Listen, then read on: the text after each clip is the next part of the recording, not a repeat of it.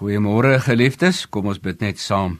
Here, vanoggend vra ons weer vir U dat hierdie gedagtenis in ons ryklik sal seën. Amen.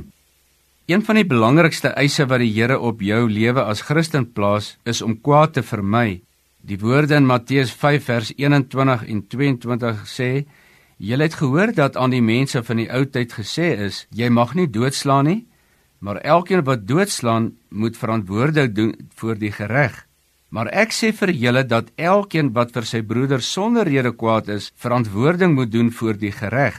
En elkeen wat vir sy broeder sê raka, moet verantwoording doen voor die groot raad. En elkeen wat sê jy dwaas, moet verantwoording doen in die helse vuur.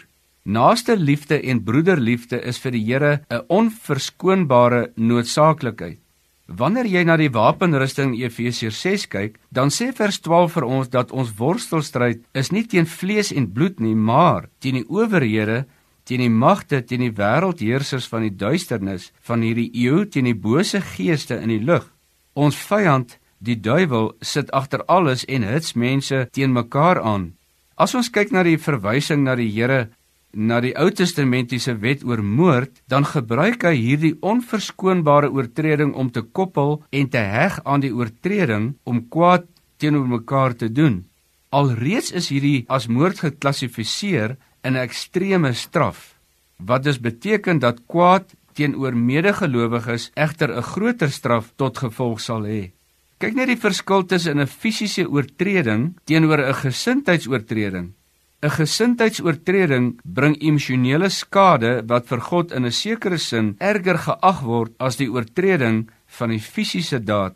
Die straf van die fisiese daad in die ou bedeling sou voor die reg in 'n hof beslis word, maar nou draai die straf weg daarvan en staan jy skuldig voor 'n lewende God om verantwoording te doen. 'n Gesindheidsoortreding teenoor medegelowiges is 'n oortreding wat uit die hart gebore word en maklik kan lei tot 'n wrok of verbitterdheid teenoor so iemand.